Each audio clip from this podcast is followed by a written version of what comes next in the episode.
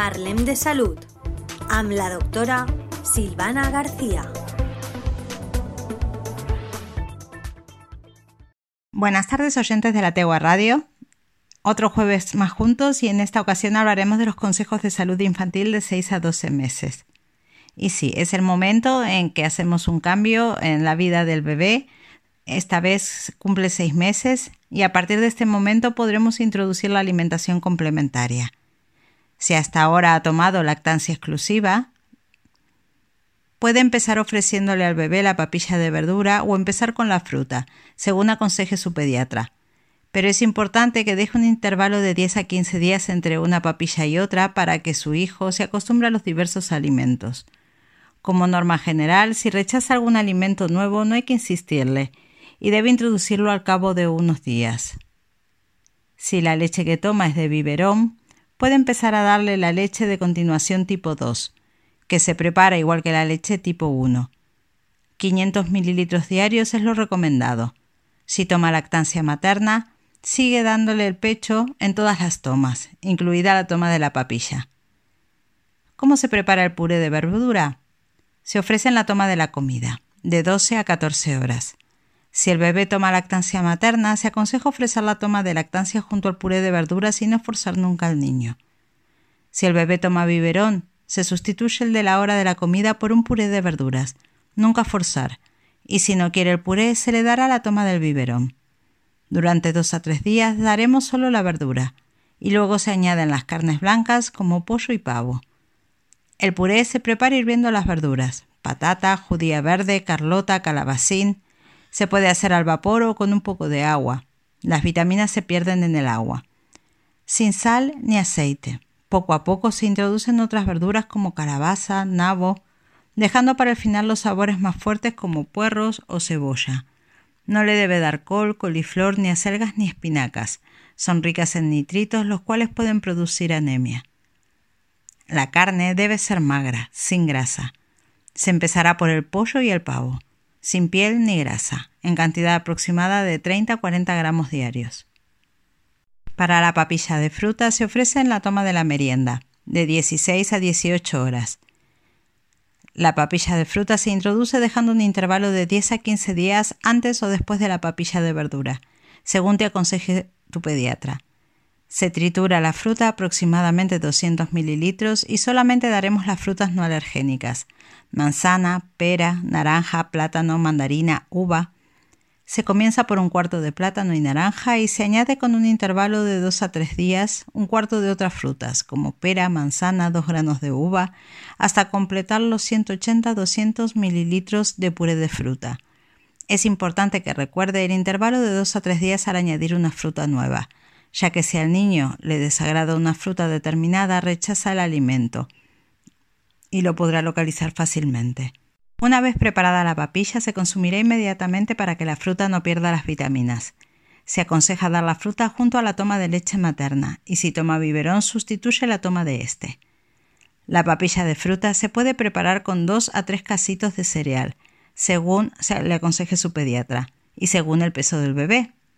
Puede empezar ofreciéndole el cereal sin gluten, maíz, arroz, o el cereal con gluten, trigo, cebada, avena y centena, siguiendo el consejo de su pediatra.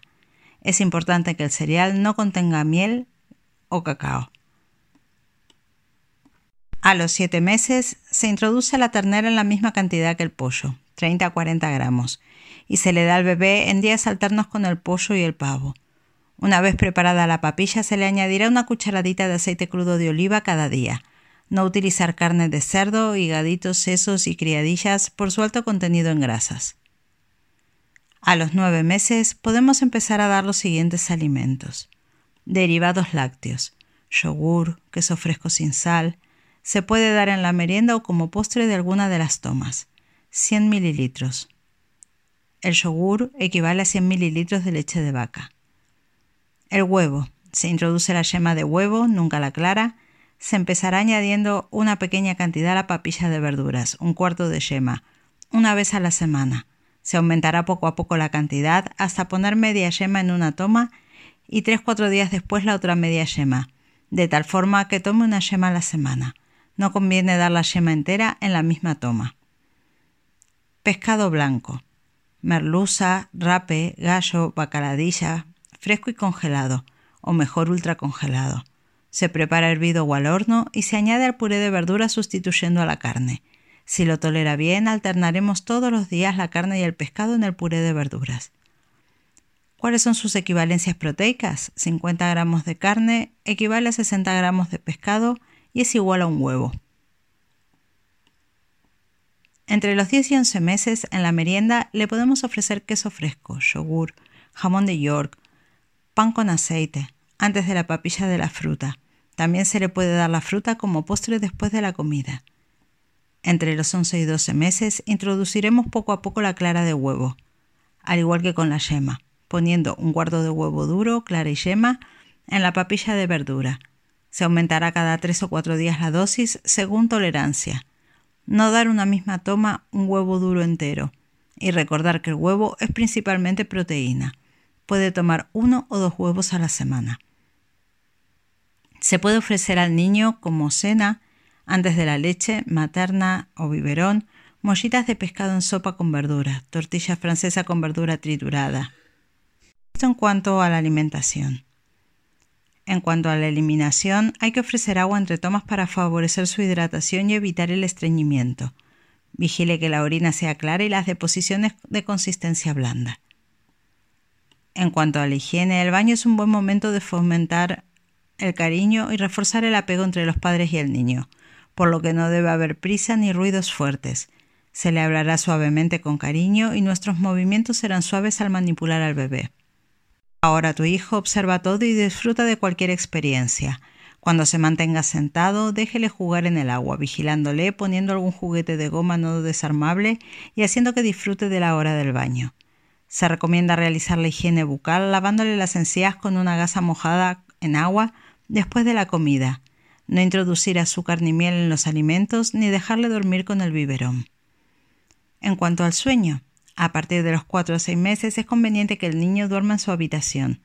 Se aconseja acostarle en su cuna suavemente y dejar que se duerma solo, sin ningún tipo de liturgia. A partir de ahora, tu bebé comienza a gatear, sentarse y caminar, por lo que hay que vigilarle constantemente. Hay que prevenir accidentes. En cuanto a las caídas y traumatismos, no hay que tener muebles ni objetos de peso a su alcance ya que el niño los puede volcar. Se deben proteger las esquinas de los muebles bajos, evitar objetos desordenados por el suelo y proteger las escaleras con puertas o pestillos de seguridad. Las alfombras deben estar planas y bien sujetas al suelo y el calzado debe tener suelo antideslizante. No utilizar andador por el riesgo de accidentes. No dejar nunca al niño solo en lugares altos, cama, sofá, cambiador.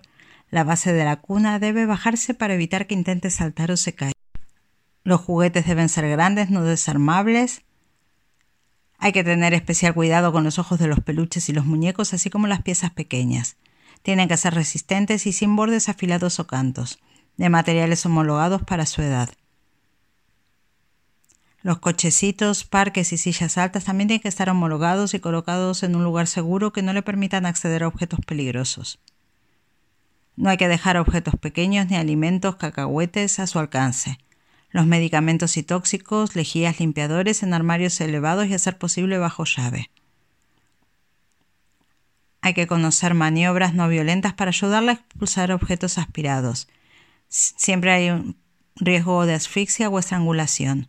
Hay que evitar almohadas blandas, no poner cintas en la cuna ni la del chupete, evitar que tome el biberón solo y acostado, no dejar cordones ni bolsas de plástico a su alcance. Hay que tener especial cuidado en la cocina, colocar siempre los fuegos más lejanos al borde de la cocina, con los mangos y las asas hacia el interior. Hay que comprobar la temperatura del baño antes de meterlo al niño.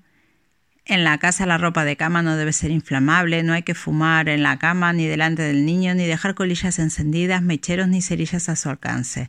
Hay que proteger adecuadamente de las estufas, radiadores y cualquier otra fuente de calor, así como los grifos, en especial si sale agua caliente.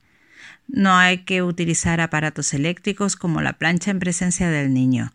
Proteger los enchufes con sistemas adecuados. Hay que evitar los cables empalmados y no dejar las alargaderas enchufadas después de su uso.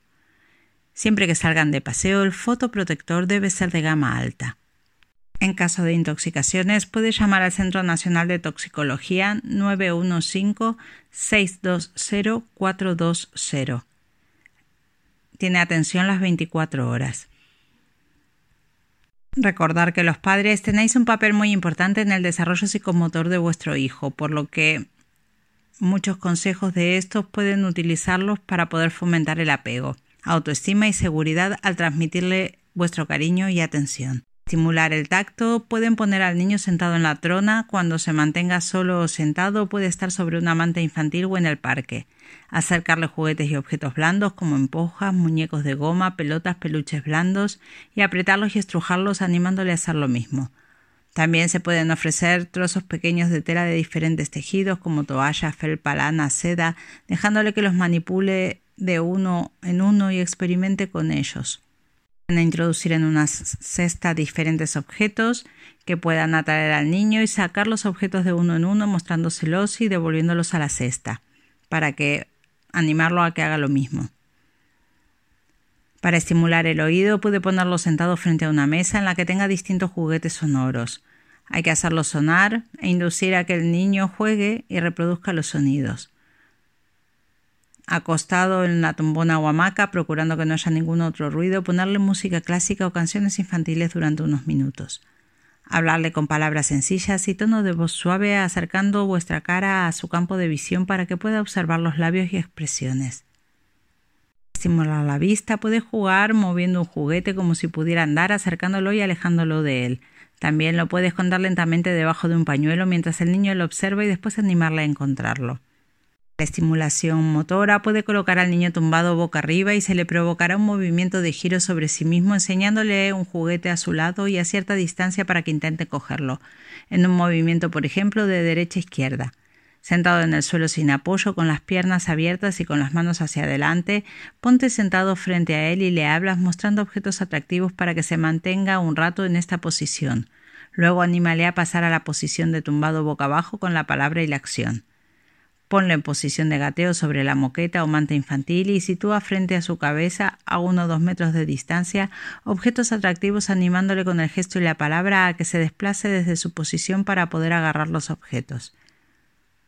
Para la motricidad fina puede darle objetos envueltos en papel como un regalo para que los abra y puede estimularle a que aprenda a rasgar el papel en trozos pequeños. Anímele a coger cosas pequeñas como las migas de pan haciendo que las utilice en sus dedos. Al Hágale participar en juegos donde movilice los dedos, manos y muñecas, por ejemplo los cinco lobitos. Recuerda, los alimentos sólidos deben ofrecerse con cuchara. Deja que tu hijo experimente comiendo primero con los dedos y luego con la cuchara. Fomenta su aprendizaje, lavados de manos antes y después de comer, uso de servilleta, comer solo, ofrézcale agua mineral entre tomas y asegúrese los 500 mililitros al día de leche.